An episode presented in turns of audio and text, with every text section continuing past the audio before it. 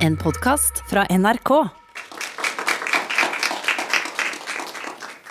Velkommen til debatt her på Studentersamfunnet i Trondheim. Dagens tema er sliten. Med oss for å diskutere dette i dag har vi seniorrådgiver i Nav, Torkild Dale. Vi har spesialist i allmennmedisin, Bente Mjølstad.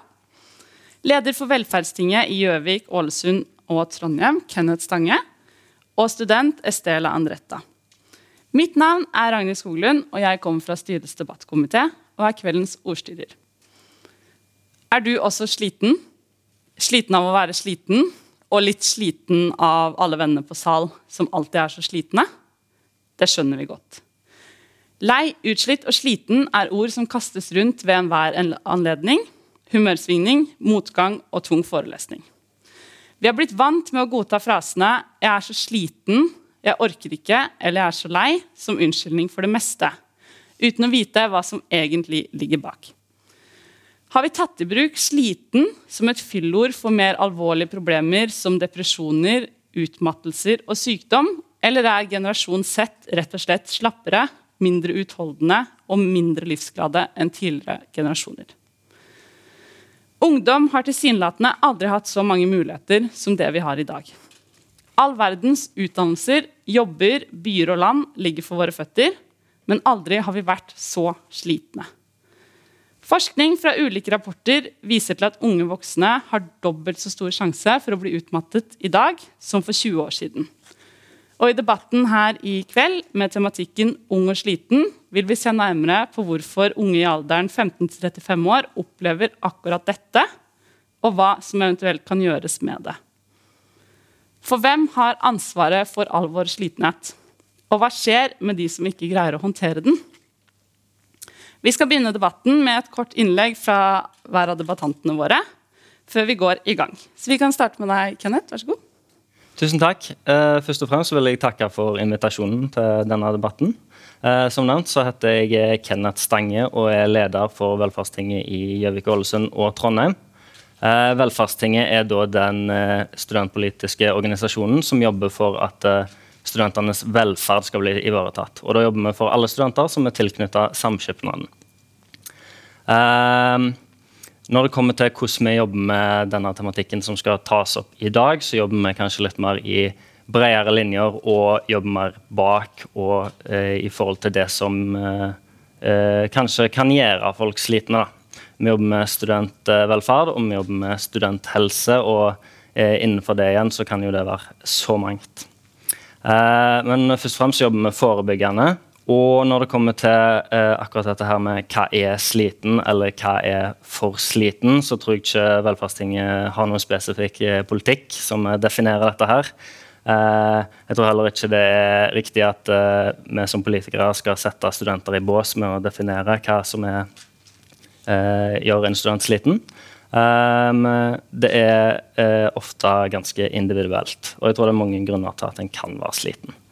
Men for å snakke litt om det som ligger bak det, eller det som kan gjøre folk slitne, så sa du jo tidligere at vi har aldri hatt så mange muligheter som vi har nå.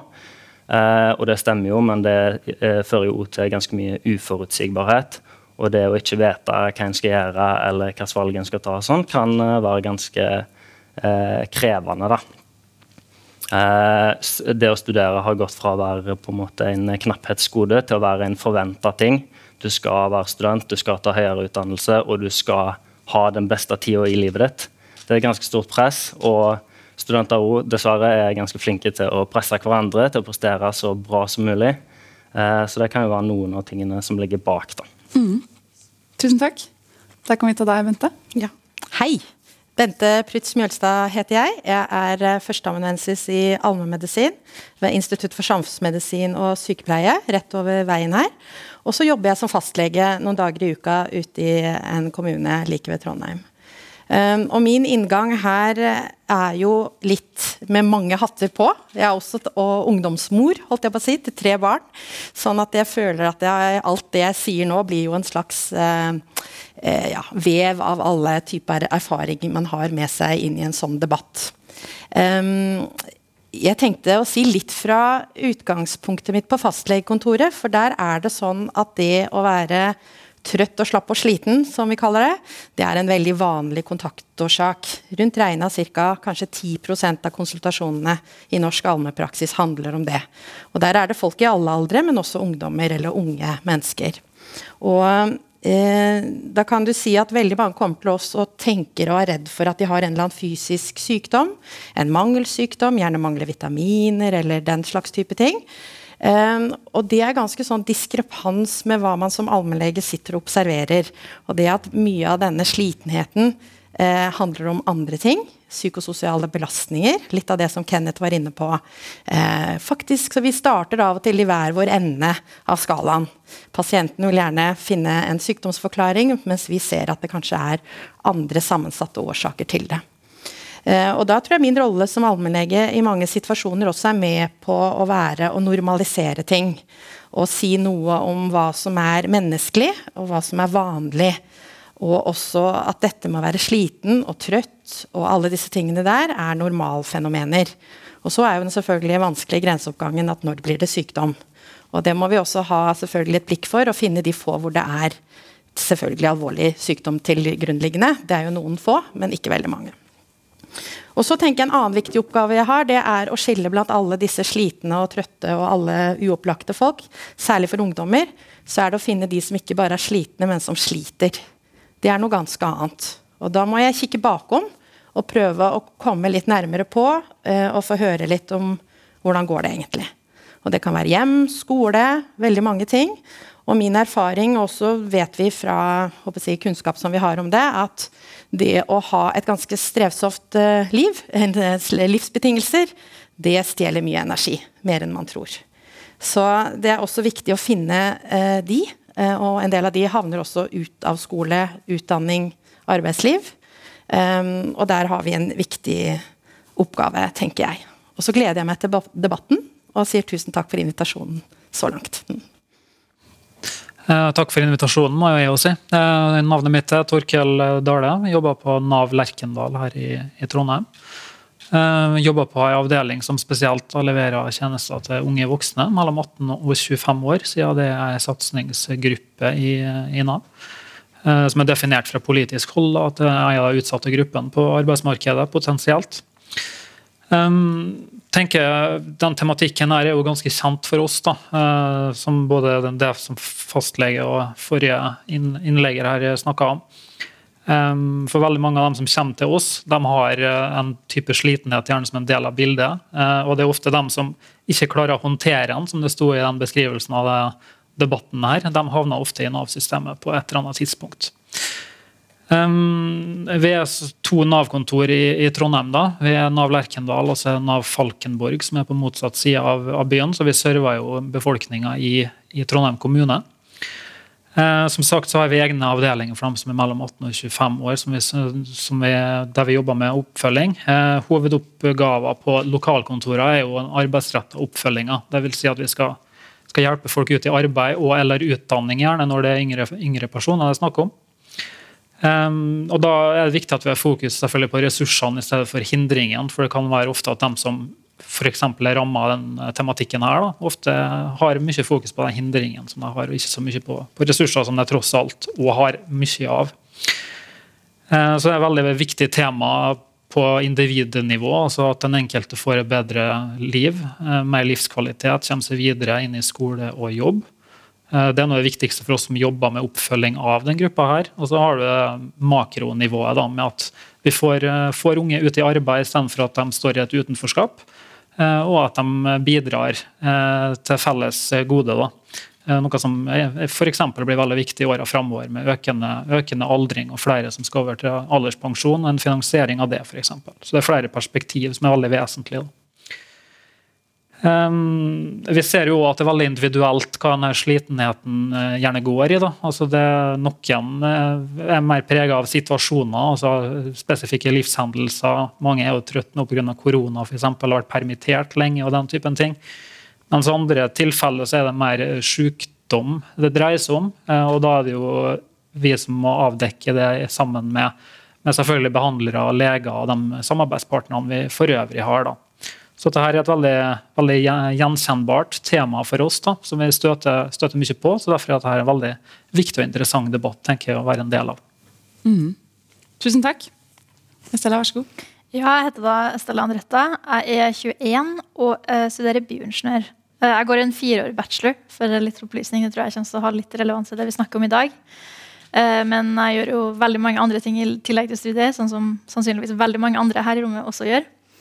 Eh, jeg skrev et leserinnlegg tilbake i februar om eh, det å være student under en pandemi. og Det er jo derfor jeg har vært eh, invitert til å snakke her i dag. For Den handla veldig mye om det å være sliten, og om alle de forventningene som samfunnet fortsatt har til oss studenter, da, til tross for denne ekstraordinære situasjonen som vi lever i. Men mer i dette sammenhengen så tenker jeg det er veldig viktig at vi innser hva det er å være en student. fordi Som student så står man opp sinnssykt tidlig. Vi får lite søvn. Vi møter på forelesningssaler hvor vi må ha energi. Kanskje til og med på et hjemmekontor hvor vi ikke har lyst til å sitte. Vi får 15 minutter eller mindre på å spise lunsj. Noen ganger er dette tillegg i en forelesning. Spesielt for uh, realfag, hvor man har veldig mange forelesninger som praktisk talt er obligatorisk, selv om de ikke er obligatorisk.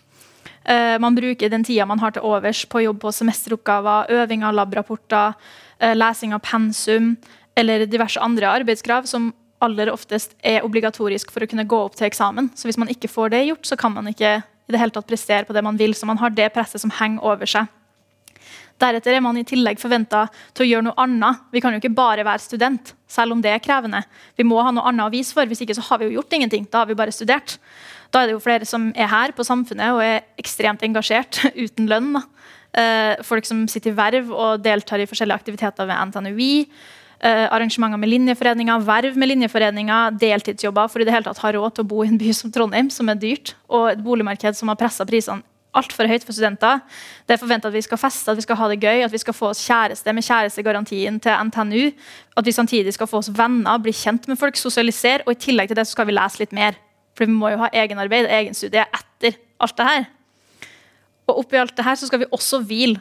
Vi skal spise godt, vi skal trene, vi skal holde oss oppdatert på hva som skjer i verden. Vi får nyheter kasta i fleisen vår 24 timer i døgnet.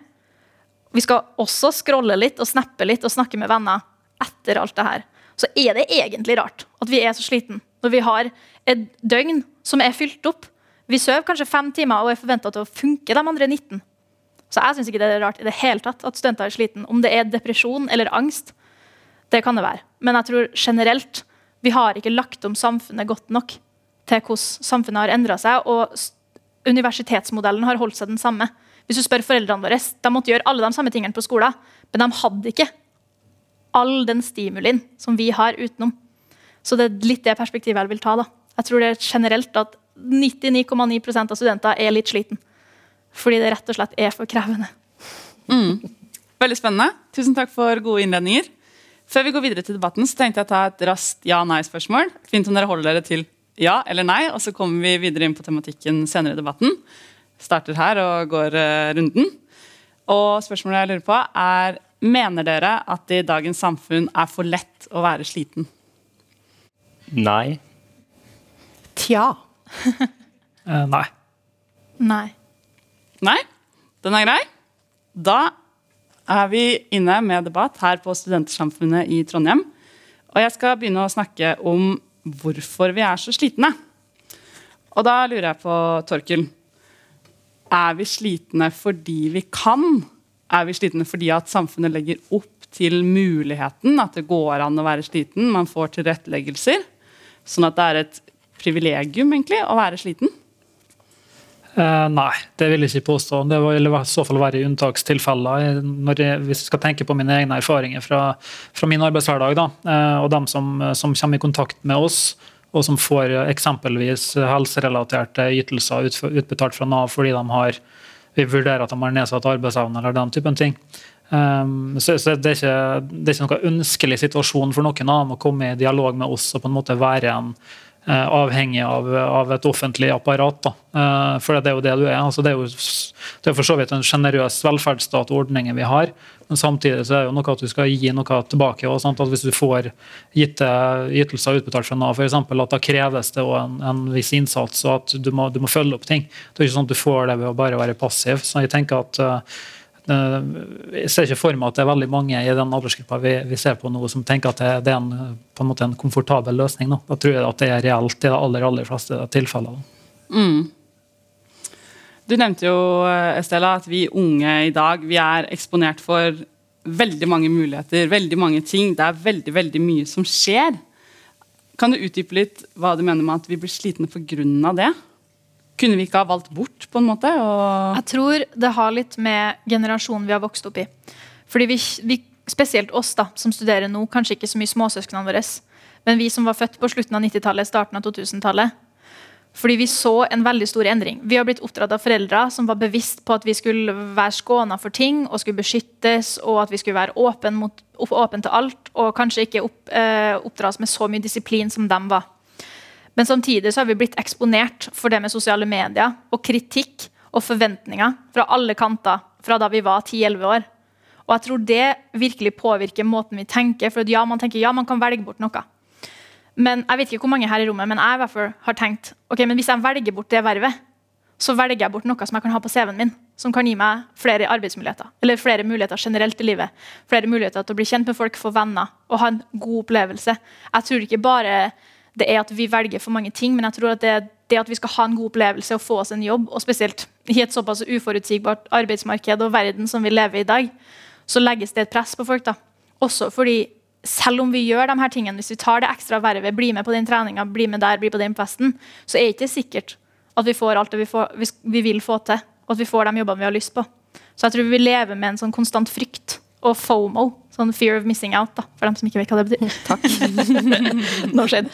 Uh, ja, så jeg tror det er kanskje grunnen til at det ikke er så lett å bare velge bort ting. da. For man mm. får skyldfølelse. Hva hvis jeg nå skyter meg selv i foten? Ved at jeg valgte bort å dra på den lesesalen når jeg egentlig er sliten. Eller å sitte og se på forelesning når man egentlig har influensa. Eller ta det vervet når man egentlig ikke har tid. Mm. Er det her ting du kjenner igjen fra legekontoret, Bente? Ja, altså jeg tenker Du beskriver jo en sånn type spagat som veldig mange mennesker står i. Og du beskriver jo din generasjon og din tid på en veldig god måte, synes jeg, som er veldig gjenkjennbart, og som er annerledes enn, enn da jeg vokste opp. Særlig, da, hvis jeg skal dra den sammenligningen tilbake til dinosaurenes tid. Men, eh, men, det er jo en generasjon som vokser opp nå med, med veldig mange muligheter. Um, og det eksponeres man jo for enormt gjennom media, sosiale medier. Selv det er mye bra med det også, men, men dere utsettes jo for et voldsomt trøkk. Uh, og valgmulighetene er mange flere, og forventningene tror jeg også om, om det er dere selv som skaper de, er med på å skape de, uh, eller om det er foreldregenerasjon eller samfunnet, det kan vi jo diskutere. Men, men jeg er helt uh, overbevist om at samfunnet er annerledes, og at dere lever i et mye større krysspress. Og så er det en annen ting som er gjenkjennbart, som du sier, og det er det der med evnen til restitusjon. Eh, som jeg snakker med mange om når de kommer til meg på fastlegekontoret. Og de kan ikke forstå hvorfor de er så slitne. Og så sier jeg kan du beskrive en vanlig dag eller en vanlig uke, da? Og så sier jeg jeg, vet, jeg blir jo sliten bare av å høre på deg. Sant? Så det er noe med det der også, også ha den litt selvinnsikten i forhold til hvert fall, Hvis vi skal snakke om sykdom og slitenhet og sånne ting, at det er ikke så rart at mange er slitne ut ifra det du beskrev akkurat nå i sted. Da. Så mm. det er veldig gjenkjennbart. Og, og ja, det ligger jo noe der i den balansen mellom å hente seg inn igjen og bruke energi, tenker jeg. Mm. Mm. Hva tenker du om dette, Kenneth? Eh, jeg er veldig enig i det du sier, og jeg kjenner meg veldig godt igjen i det. Jeg har selv vært i den situasjonen der jeg må ha alle vervene og gjøre altfor mye for å følge dagene. Eh, fordi at eh, andre gjør det, og jeg skal ut i de samme jobbene, så jeg må minst ha det samme på CV-en.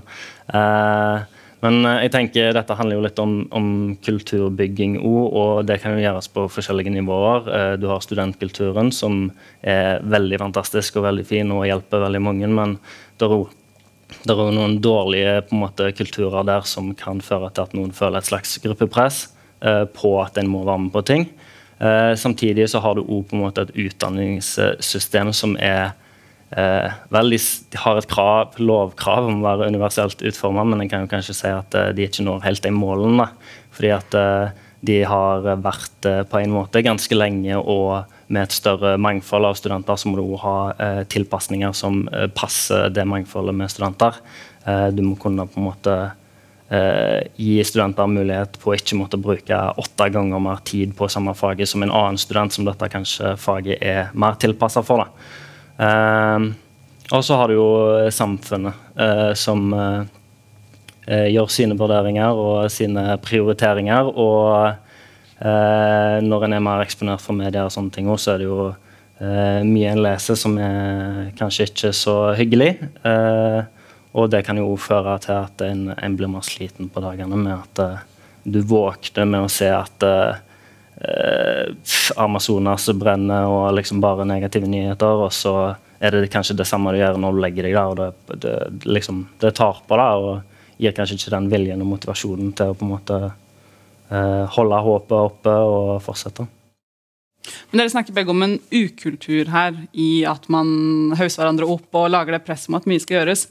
Men kan man ikke på et tidspunkt også kreve at man skal greie som en student eller som nært på studentmiljøet da, å være med på å avslutte den ukulturen? Eh, ja, absolutt. Og det er noe vi jobber mye med. Vi har jo eh, bestemmende myndighet over semesteravgifter. Gjennom semesteravgifter så gir vi jo penger til bl.a. sitt råd, som har en del kurser til eh, forskjellige frivillige organisasjoner, og tilpasser kurser til f.eks. spesifikke problemer.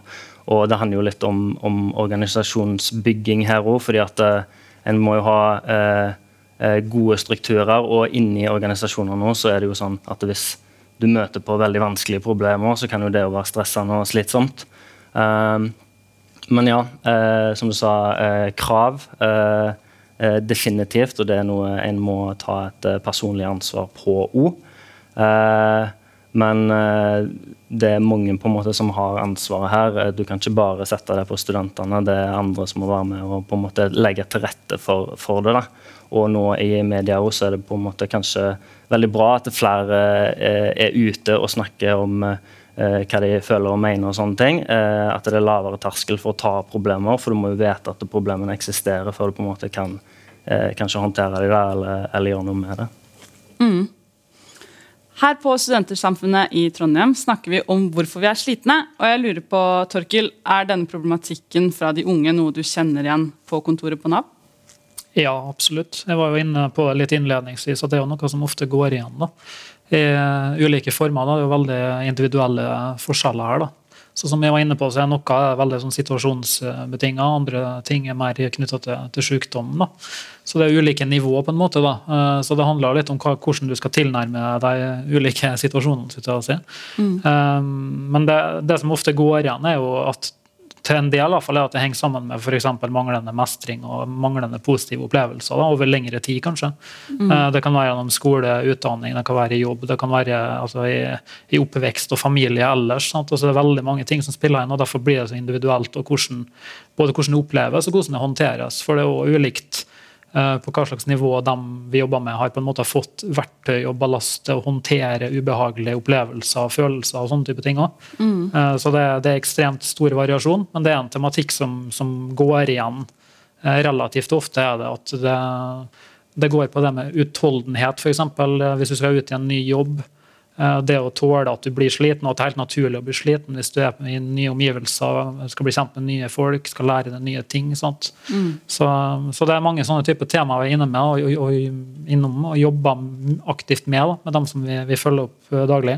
Så skal det jo sies at de som er til oss, er jo dem der det stort sett har gått ganske gærent da, hos de fleste av dem. Det må jo understrekes altså Majoriteten av unge voksne klarer seg godt. Men de som er til oss, da har det ofte gått så langt at da, da er det hos veldig mange av dem eh, utvikla seg til at det, er, en sykdom da, eh, rundt det. At det er depresjon eller andre typer utfordringer knytta til det i tillegg.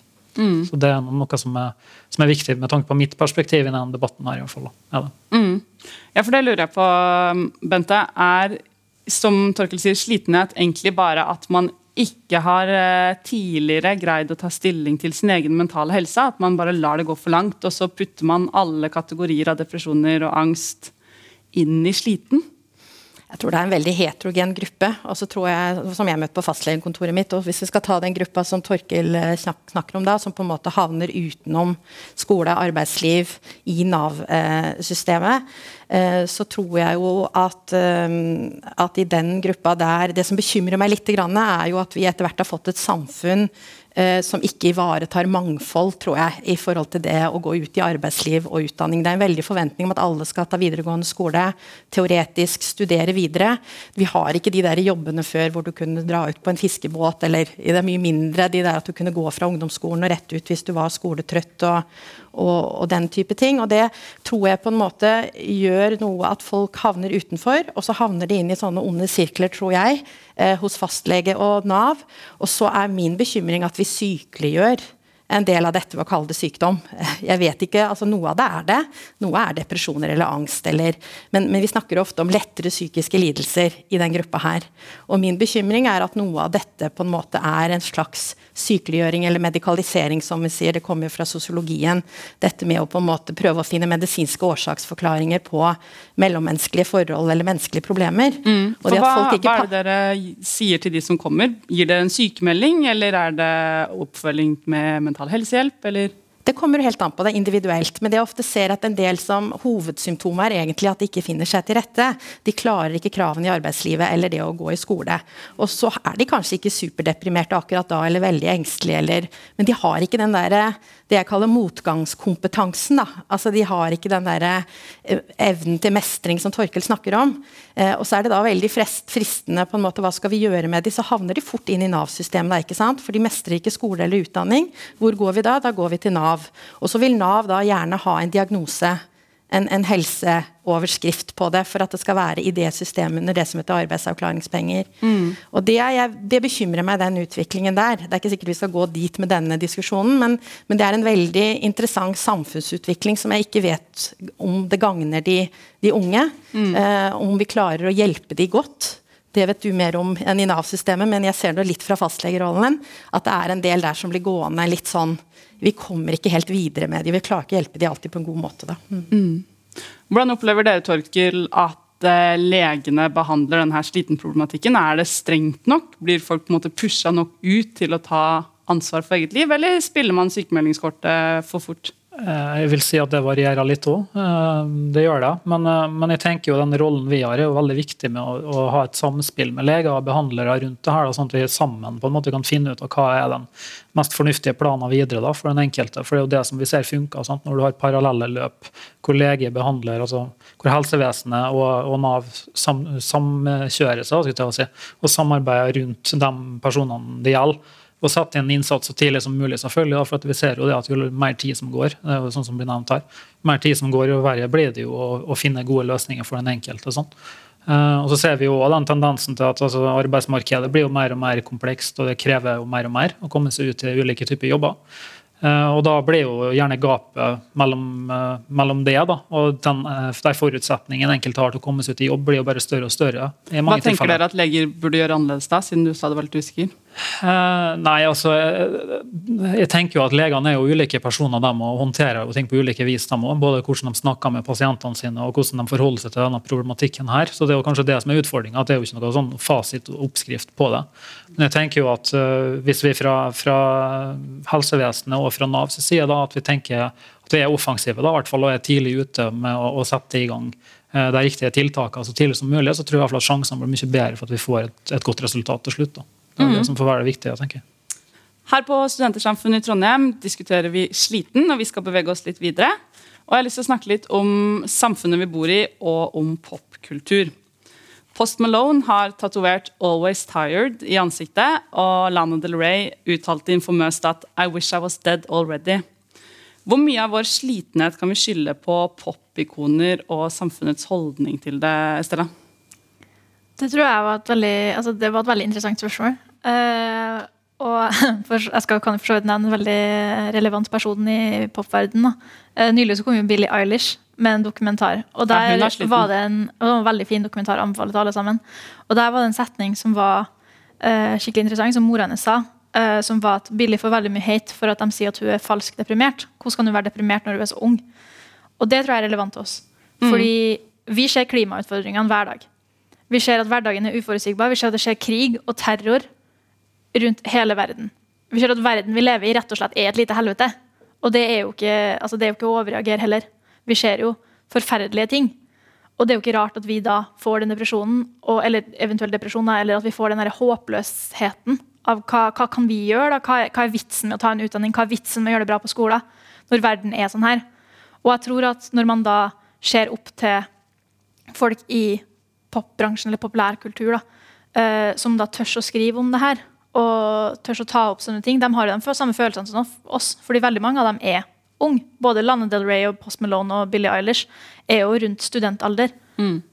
Og da er, det jo ikke, da er det ikke rart at de snakker om det. Og det selvfølgelig kommer til å påvirke oss, for vi ser jo opp til eh, ikonene. da. Men jeg tror, ikke det jeg tror ikke det blir en større bølge av det. Jeg tror det bare blir mer synlig.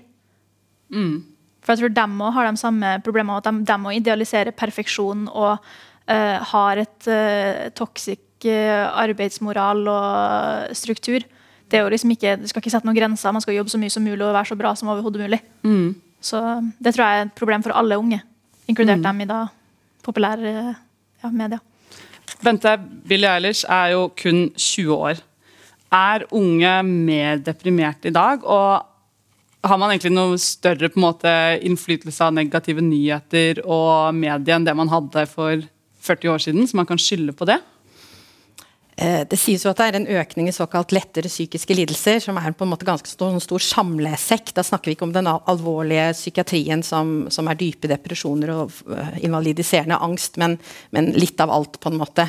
Og Det er jo sagt at det er en økning, og også, også kanskje særlig blant uh, mer hos jenter enn hos gutter. Og man har relatert det noe til dette med, med press og, og, og, og stress. Um, hva som er årsaken, det, det er ikke så godt å si, men jeg kan jo sånn forskningsbasert, men sånn ref, å reflektere litt fra de erfaringene vi har i praksis, så ser vi jo på en måte at mange forstrekker seg. Og jeg tror noe av det du sa Jeg kjente ikke så godt til de her andre du nevnte i sted for, for formelle pass, men hekte meg på litt det der, denne, denne glorifiseringen som på Kårsatt med hva er det vi løfter fram som gode verdier og viktige måter å være ung på i dag? Hva er det vi på en måte sier er eh, for, forbildene våre, da?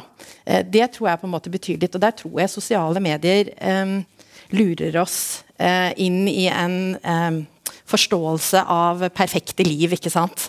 Eh, de som er så travle og fikser alt. og på en måte, Vi ser jo ikke baksiden i sosiale medier. Det er veldig sjelden at folk legger fram på en måte en dårlig dag.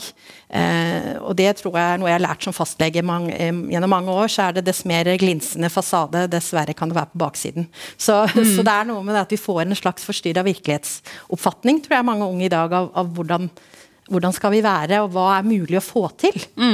For det Det er en grense litt, ja, for hva man orker. Ja. det leder oss jo litt videre inn på sosiale medier og influensere og bloggere og ja, den fasaden, som du sier.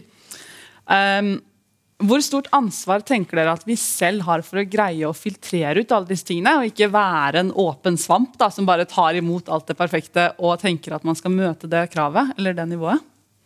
Hva tenker dere? Jeg kan starte litt som, Ja. som mor også. Altså jeg tror det er viktig å bygge opp en bevissthet om dette. her. Det er veldig mye bra med sosiale medier. Bare så det er sagt først. Og Den store gross av ungdomskullene nå er jo veltilpassa. De har aldri vært så flinke som før. at Vi må ha med det bildet også, tenker jeg. De er gode venner med foreldrene sine. Det er lite opprør. Så Det er en generasjon som på en måte i det store og hele klarer seg ganske bra.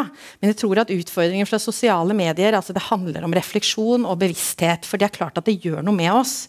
Eh, Jeg vet ikke om noen har sett det var et program på NRK som handler om, om denne måten man individualiserer reklame på. altså Hvordan vi på en måte manipuleres ved type valg. altså Det er klart at dette er store en stor industri som har stor interesse av å på en måte få oss på et visst spor. Da. Så jeg skulle ønske at vi kunne få på en måte en større diskusjon om hva det er, på en måte, hvilken påvirkning det har på oss i samfunnet vårt. Eh, og særlig den unge generasjonen, tror jeg. Eh, ja, uten å snakke om søvn og sånne ting. Da, sånne kjedelige ting som fastleger gjør av og til. Hva tenker du. Kenneth? Hvilket ansvar har vi selv for å greie å ikke være så påvirka? Eh, Det er et veldig godt spørsmål. En har jo et eh, ansvar sjøl, men eh, det er jo på en måte sånn som media og den digitale verden har blitt nå, så er det jo sånn at du selger via clickbait eller overskrifter som kanskje ikke har noe med innholdet i artikkelen å gjøre. Og det er kanskje veldig mange som bare leser de første overskriftene og tar dem til seg. og Du har et ansvar sjøl, men som et samfunn så har du også et ansvar for å på en måte hvis du går til f.eks. veldig unge mennesker da, og eh, lære opp at eh, det er kanskje ikke sånn det er. Eh, alle fine, flotte mennesker på Instagram har kanskje dårlige dager, de òg. og få fram de perspektivene, som nå veldig mange sånne, som når det var snakk om popkultur og sånn, sånn forbilder og ikoner har gått fram med å vise de andre sidene. Så det er viktig å på en måte få fram det òg. Eh, og så er det jo veldig synd å se at de større mediene som eh, kanskje skattebetalerne betaler for, eh, kanskje ikke er like flinke da, til å få fram disse sidene. og at det er veldig mye sånn doomsday-perspektiv, og det er bare negative ting. Og at en ikke kan ha en gladnyhet eller få fram på en måte at livet ikke alltid er perfekt. da. Mm. Bente nevnte at uh, vi er en generasjon som gjør det bra. Men Torkil, opplever dere at det er da enda vanskeligere for de som ikke gjør det bra, å henge på? Ja, det virker jo litt sånn. Gjør det. Eh, for det er, jo, det er, jo, interessant det som vi snakker om nå med sosiale medier osv. For det er veldig mange som, som sammenligner seg med, med jevnaldrende for eksempel, på den måten. Sant? Og følger med på utviklinga i livet til, til, andre som man kanskje har gått på skole med. Og så ser de at de både har starta utdanning, fått seg jobb, eh, får seg kjæreste, ting ordner seg. ikke sant? For, har den flyten i livet da, som, som det på mange måter er forventa at vi skal ha. Og så opplever de kanskje å stå igjen da, eh, sjøl, uten at det samme har skjedd, og at de bare sliter i motbakke hele tida. Da tror jeg at det, det å på en måte få den, eh, den, stadige påminnelsen om hvor bra andre har det, som ikke nødvendigvis er reelt, men som de kanskje oppfatter som reelt, mm, mm. det, det, kan bli en sånn ekstra belastning da, for ganske mange. Det tror jeg faktisk er, er, tilfellet for, for, ganske mange av dem som vi jobber med. i hvert fall. At uh, det blir en ekstra byrde på en måte for dem når de, når de ser på det gjennom sosiale medier. Da. Gjør dere i Nav de riktige tingene for å hjelpe folk tilbake? Uh, ja, det håper vi jo, da. Uh, vi prøver jo å tilpasse det vi gjør, best mulig da, til den enkelte innenfor de rammene som vi har. Det er jo klart at det er, jo, det er jo visse begrensninger der, men, men, vi har veldig fokus på å jobbe, jobbe med, ressurs, eller med ressursbrillen på si, og se på mulighetene hos den enkelte og prøve å finne løsninger innenfor de rammene vi har. Så jeg tenker at den, den individuelle og på en måte skreddersømmen i tilnærminga er jo det vi må strebe etter. så det er ikke alltid det er like lett, men det er jo det vi prøver å få til, for vi ser at det er det som gir best resultat. Opplever fastlegene at det gjøres på riktig måte hos Nav? Eh, det er jo veldig forskjellig fra tilfelle til tilfelle, og så er det vanskelig. Det er det første som man sier. At det er ikke en sånn åpenbar, god løsning på noe. Jeg tror jo en del av dette er faktisk også strukturelle problemer som vi sliter med i samfunnet. Jo, men så må det jo løses på individuelt nivå for den enkelte som ikke kommer ut i arbeid eller utdanning. Eh, og det er jo ikke bare å skape et, et inkluderende arbeidsliv, altså finne de gode arbeidsgiverne som vil ta inn folk til arbeidstrening. altså Det er krevende, krevende ting. Eh, men jeg må si at jeg kjenner jo på, på en del frustrasjon i, i, forhold til det, uten at jeg kanskje kan sette fingeren på akkurat hva det, eh, hva det er som ikke fungerer. Mm. Jeg syns ikke vi lykkes alltid. Jeg syns de blir gående lenge. Um, om det er fastlegenes skyld som sender de for, for seint eller for tidlig, eller hva det handler om, det vet jeg ikke. Men, men, men jeg observerer jo en del unge som jeg ikke syns vi kanskje får det helt til med. da. Men så er det andre igjen som, mm. som vi lykkes med. Eh, så, men, men, det er en del strukturelle ting her på samfunnsnivå som, som er annerledes nå enn for en generasjon siden. Mm. Og så skal vi løse det på individnivå, så er det kanskje et litt større samfunnsproblem, tror jeg, da, en mm. del av det mm, også. Har du et svar til det, Torkil? Nei, jeg er stort sett enig i det, det, det som blir sagt. Da. Uh, det er vi ser jo at det, det, er visse ting vi kan påvirke i enkelttilfeller. Og så er det som blir sagt, altså det, er jo, det, er jo, litt rammen rundt som bestemmer en del. og Det er utvikling, altså det er trender i, i utdanning, det er trender i arbeidslivet, arbeidsgiverne sine holdninger. Det er mye som spiller inn. sånt, altså Vi finner jo de arbeidsgiverne som er veldig inkluderende og rause.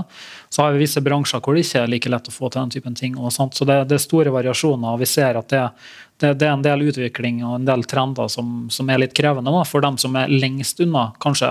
Mm. Altså Inkludere dem som virkelig trenger å bli inkludert. Da, og, mm. og som, som flest av, eller mest av alle egentlig trenger et, et, fellesskap å være en del av og kjenne at de på en måte har en, har en verdi. Da, at, de, at, det er noen som ser dem. Da. Eh, mm. og det, det, jobber vi nå mye med, men det, det er klart det er utfordrende bilde. Da, er det. Hva er kommentar fra Stella? Ja, det er litt bygget på det du sier, da. Men uh, jeg merker i hvert fall som student da, at det på sosiale medier, men også på studiet, er en veldig stor fokus på helt ekstrem produktivitet. At man skal sitte så mange timer som mulig på lesesalen i eksamenstida. At man skal jobbe fra åtte til åtte. og så ta seg fri og sove. ikke sant? Det er på en måte, Vi har ikke fokus på hva er en vanlig arbeidsmengde, hva er arbeidsuka, hvor mange timer skal vi jobbe. Og da har vi jo i tillegg, da, Hvis vi har for øvinger og semesteroppgaver, så får vi spørsmål fra forelesere ja, men har dere tid til å ha egenstudie. Da Da blir jo svaret nei. Vi skal jo ha to-tre timer med egenstudie hver dag. i tillegg til forelesning. Men når man har så mye man må gjøre, så ender det jo opp med at man får eh, forskjøve arbeidshverdagen vår. Og det er jo det som også tror jeg skaper et eh, problem senere i livet. Fordi vi forventes til å gjøre mer. Og da kommer vi jo ut i arbeidsmarkedet og i arbeidslivet med en forventning at ja, men overtid det går helt fint, det er jo som, som, på studiet. Man har på en måte allerede den negative påvirkninga. Mm. Og så er det også en ting med det med til, det du nevnte, var at man ikke kanskje får hjelp tidlig nok. Da er det også tilgangen. da. Det er jo forferdelig vanskelig å få tilgang på BUP og DPS. Jeg har flere venner som er veldig deprimert eller veldig syke med andre ting, som er langt ned på venteliste. Mm. Og så har du jo andre folk av de andre årsaker som da hopper langt fram. Så det er på en måte det er ikke tilgjengelig for folk, og da kommer jo også sosioøkonomiske eh, forskjeller inn i bildet. da. Vil folk med andre etniske bakgrunner spørre om hjelp like mye? Vil de mm. dette ut, de som ikke snakker norsk like godt? Det er så mange årsaker, spesielt rundt studentmiljøet. da. Og det at man skal være så flink og hele tida, og at man ikke snakker om psyken. Mm. Går det bra med folk? Nei da, vi har gjort den og fått ferdig alle arbeidskravene. Det går fint, kan ta meg helg og drikke masse øl. ikke sant? Det er ikke bare det livet handler om. ikke sant? Kommentar? Ja, jeg bare tenkte, fordi jeg syns eh, det du sier er veldig bra. og så føler på en måte samfunnet og eh, utdanningsinstitusjoner osv. Eh, har ganske feil fokus, eller de eh, fokuserer på feil ende av på en måte problematikken. Eh, det er veldig kult å få regjeringen å gi penger til f.eks. psykologhjelp, men da føler jeg på en måte, da har du på en måte allerede fått studenter som har kommet for langt. En vil jo hjelpe folk før de ender opp i det problemet. Og Da er det jo forebyggende. Uh, en må eh, fokusere på, men der er det veldig lite undersøkelser det er veldig lite fokus. og Det er veldig få som snakker om eksempel, uh, hva er det som gjør at studenter trives, eller hva kan vi gjøre for at studenter skal ha det bra. Det er mye sånn, Vi må bruke mer penger på psykologer til studentene. vi må bruke mer penger på å, Og det er jo for så vidt sant, køene er jo sprengt på alle systemer. men hvis en ser det i et lengre tidsperspektiv, da, så er det mye mer effektivt eh, samfunnsøkonomisk å for, forebygge og satse forebyggende. Eh, det var en forskningsartikkel for litt tilbake siden som viste at én-til-én-behandling eh, er for et samfunn noe av det minst eh, altså produktive en kan gjøre. En bør heller på en måte fokusere eh, på større miljøer da, og se på eh, hva som skaper Eh, gode liv, og hvordan en kan heller styrke det istedenfor eh, hjelpe folk med psykologhjelp og sånn på, på, slutten. Ikke at en ikke skal gjøre det, for det er selvfølgelig en trenger det, men, eh, men en må ha et fokus på en måte tidligere i løpet. da. Tar velferdstinget sitt ansvar i denne rekken av eh, forventninger og flagger? det er et veldig godt spørsmål. fordi eh, Vi sier jo at vi skal jobbe forebyggende, og det er jo det vi gjør. fordi ingen av våre instanser skal på en måte ta ansvaret til kommunen f.eks. Våre psykologer skal på en måte hjelpe med eh, studentspesifikke problemer som skal være forebyggende. Men samtidig så er det, det er fortsatt én-til-én-behandling, og det er fortsatt kanskje ikke like effektivt. Eh, og det er veldig vanskelig, for det er jo studenter som bestemmer dette her, å si at uh, køene til sitt psykososiale er kjempelange, men vi vil nedprioritere dette for å f.eks. ha et bredere eller lengre perspektiv da, på å uh, fokusere mer uh, forebyggende. innen f.eks. å støtte f.eks. frivilligheten, som, som, får til veldig mye og jobber veldig bra på mange områder. med å styrke på en måte studenter sin liv da, og gi gi et overskudd og en eh, positivitet. Eh, men eh, ja, vi tar vårt ansvar, men gjør vi det godt nok? Det kan du kanskje stille spørsmål om. ja. Her på Studentersamfunnet i Trondheim snakker vi om sliten, og vi snakker om forventninger og omgivelsene rundt oss som påvirker oss. Og jeg lurer på, Stella, Opplever du at det er nok tilbud til studenten? F.eks. gjennom Velferdstinget? Tar de sitt ansvar? Tar sitt sitt ansvar? Hva slags tilbud, mener du? Til en uh, sliten student som trenger helsehjelp? Uh, jeg vil si ja og nei. Uh, ja, det er nok tilbud, tror jeg. Og hvis man trenger hjelp, så får man hjelp, men det er jeg tror rota i problemet ligger at man er jo ikke skjedd. Og det er veldig mye som forventes av hver enkelt student. Man må oppnå alle arbeidskravene. Får man ikke oppnådd, eller Mangler man for mange, så får man ikke gå opp til eksamen. Og jeg tror det er det at liksom, det ans alt ansvaret for å få den hjelpa og for å få til det du skal, eller si fra at du ikke får til det du skal, ligger på studenten. Men for dem som er ordentlig syke eller sliter virkelig, er det ikke så lett å gå til en studieveileder eller til sitt psykososiale og si jeg trenger hjelp. Sånn, jeg kan jo snakke av personlig erfaring. da Jeg tok kontakt med min studieveileder, og da senere, kanskje fire måneder etterpå, kontakt med sitt psykososial. Og Da tok det jo igjen fire måneder før jeg fikk kontakt med DPS gjennom sitt psykososial. Så det tok jo nesten et år før jeg fikk den hjelpa jeg skulle ha. Og da er det jo vise seg at det var, det var ikke så stort problem, egentlig. Det var Mm. noe som var veldig greit å overkomme. Men det tok jo meg et halvår på studiet hvor jeg innså i august at ok, hm, det her er ok, eh, noe som ikke skurrer litt. liksom. Mm. Men det da, og det, jeg tror nok det var veldig kort tid for meg. fordi fra august til januar så er det ikke så lang tid. Det er jo veldig mange som går gjennom hele den studietida og kjenner at det her får de ikke til, det her mestrer de ikke. det her de får, står så vidt i alle fag, kanskje stryker veldig mange og må konte hvert år. Og det er jo ikke sånn det skal være. Mm. Det er jo samme som den, altså den ideen om at gjennomsnittet på eksamen skal være C. Ikke alle kan få A. Hvor kommer den ideen fra? Hva hvis alle har lært det de skal, eller ingen har lært det de skal? Skal noen fortsatt få A? Det er liksom Hele den mentaliteten bak utdanningsstrukturen tror jeg gjør det vanskelig for oss å spørre om hjelp. Mm. Så, men eh, for å svare, ja, jeg tror det er nok, men eh, kanskje ikke, kanskje ikke like tilgjengelig. Hvis det gir mening. Du snakka litt om eh, måte, de som er ordentlig syke, og de som bare er litt slitne. Jeg lurer på, Torkil, Det er jo veldig mye snakk i media om unge uføre, unge på trygd, og litt sinne rundt den problematikken. Sliter dere med å skille mellom de som er faktisk ordentlig dårlige, og de som bare har litt giddaløshet og slapphet? Eh, nei, det tror jeg faktisk ikke. Eh, jeg tror at i en del tilfeller når de først kommer til Nav, så har det ofte gått veldig langt da, for mange. Da er det på en måte langtkommen uh, sykdom ofte hos, hos dem som er reelt syke. Eh, så da, da kan det være en, stor jobb å på en måte snu, snu det løpet. da. Eh, Men jeg tenker jo, altså, det er jo en økning både med dem som mottar arbeidsavklaringspenger og dem som blir, blir unge uføre. har jo vært en økning gradvis over tid. Så det er noe vi må, vi må jobbe med. Men jeg tenker at sånn, sånn som det har blitt snakket om tidligere, at det er sånn, det er litt strukturer da, som, som er, ligger til grunn for det. egentlig. Altså det, den jobben vi gjør, er én ting, og så har du på en måte arbeidsmarked. og Det er ikke nødvendigvis at alt henger sammen. Da, Det blir jo veldig mye snakk om dette her med at vi skal ha et arbeidsliv hvor, hvor vi ja, skal jobbe i ulike jobber, gjerne ta utdanning gjennom hele på en måte, karrieren. Da, sånn livslang læring og den typen ting. Og for enkelte så er jo det et helt urealistisk utgangspunkt. Da, i det hele tatt. Altså, de, de, de passer bedre til å ha en ganske enkel, grei jobb, og det er på en måte nok. da. Men så kan det jo være at lista av uh, omgivelsene kanskje blir lagt litt høyere. At du, du bør egentlig strebe etter noe mer enn det. Og det kan jo være uh, for så vidt et problem for noen, det òg. men så har vi jo dem som òg skal ha uføretrygd, ikke sant? og som har alvorlige diagnoser som tilsier at det er det riktige. Og som får økt livskvalitet gjennom det, og kan da benytte seg av de tilbudene som finnes for den gruppa, som passer da, i forhold til forutsetningene som de har. Så jeg tenker det, det er et veldig stort bilde, da, og vanskelig å si noe, enkel, gi noe enkelt svar på. For det, det er enorme variasjoner, det er individuelle saker vi snakker om. og det er ja, det er et stort tema sånn sett, som, som angår egentlig hele samfunnet, tenker jeg. da, Ikke, ikke bare Nav og helsevesenet. sånn sett. Bente, kan slitenhet føre til en diagnose? Ja, altså det er jo på en måte det ultimate spørsmål. Når blir slitenhet sykdom? Altså Fra en skala på 1 til 10, altså hvor vil dere rangere på en måte vanlig slitenhet, og når er slitenhet en sykdom? Eh, der har vi jo sånn kroniske utmattelser og sånn, men jeg tror ikke vi skal gå der til den diskusjonen.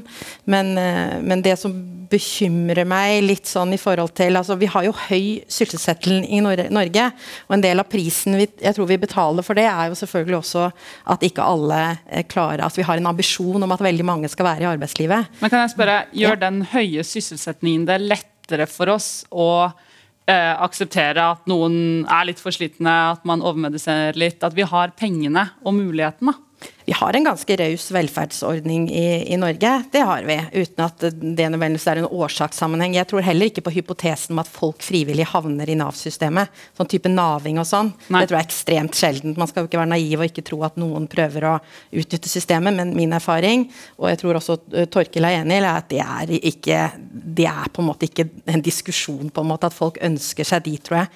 Det jeg tror eh, veldig på, som Kent var inne på her, er at vi må jobbe og jeg vil si helsefremmende, og ikke bare forebyggende. Og, og jeg tror at en del av de vi ser som havner inn i disse løpene, som også ender i Nav, der kan vi gå helt tilbake til eh, belastninger også i oppvekst og barndom. Det med å ha den derre motstandskompetansen, ressursene, mestringen til å klare seg i livet, det legges ganske tidlig i livet for mange.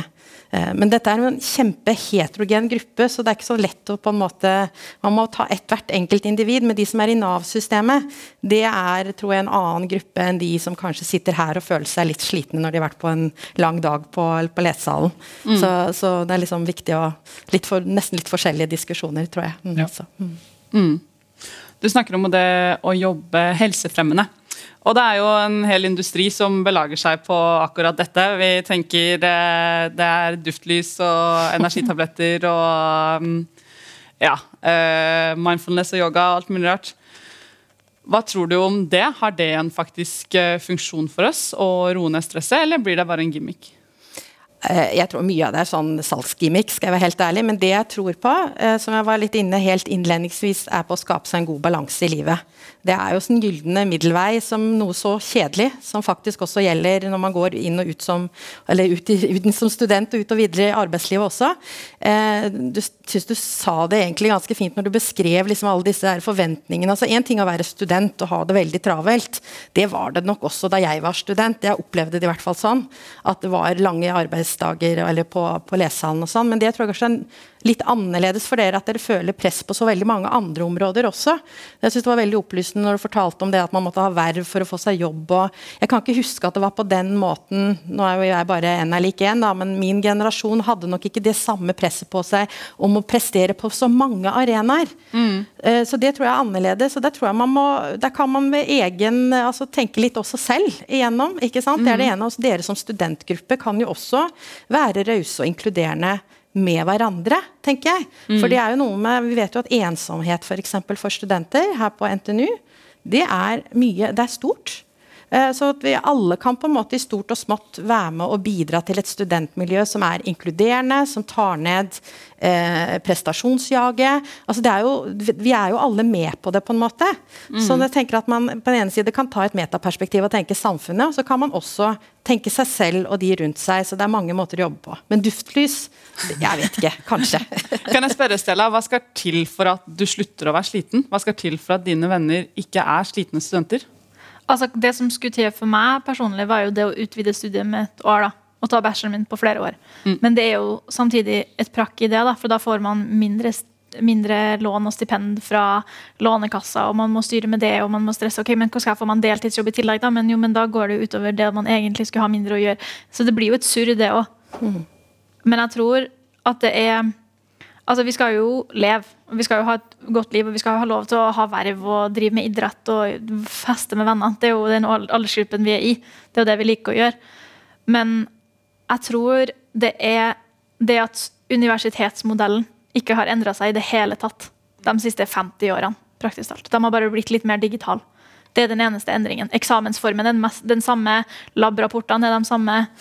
Det er samme oppsettet som man har gjort i tusenvis av år. Oppgavene er de samme. Bachelor, master, doktorgrad, postgraduat. Det er samme kvalifiseringene.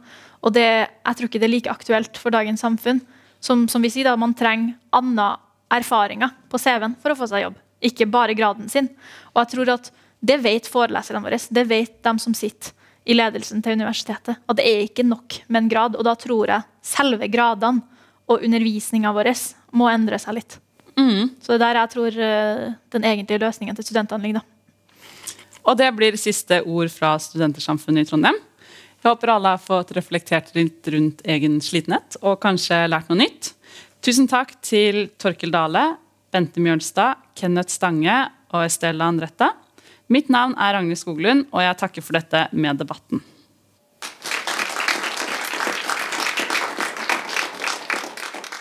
Du har hørt en podkast fra NRK. Hør flere podkaster og din favorittkanal i appen NRK Radio.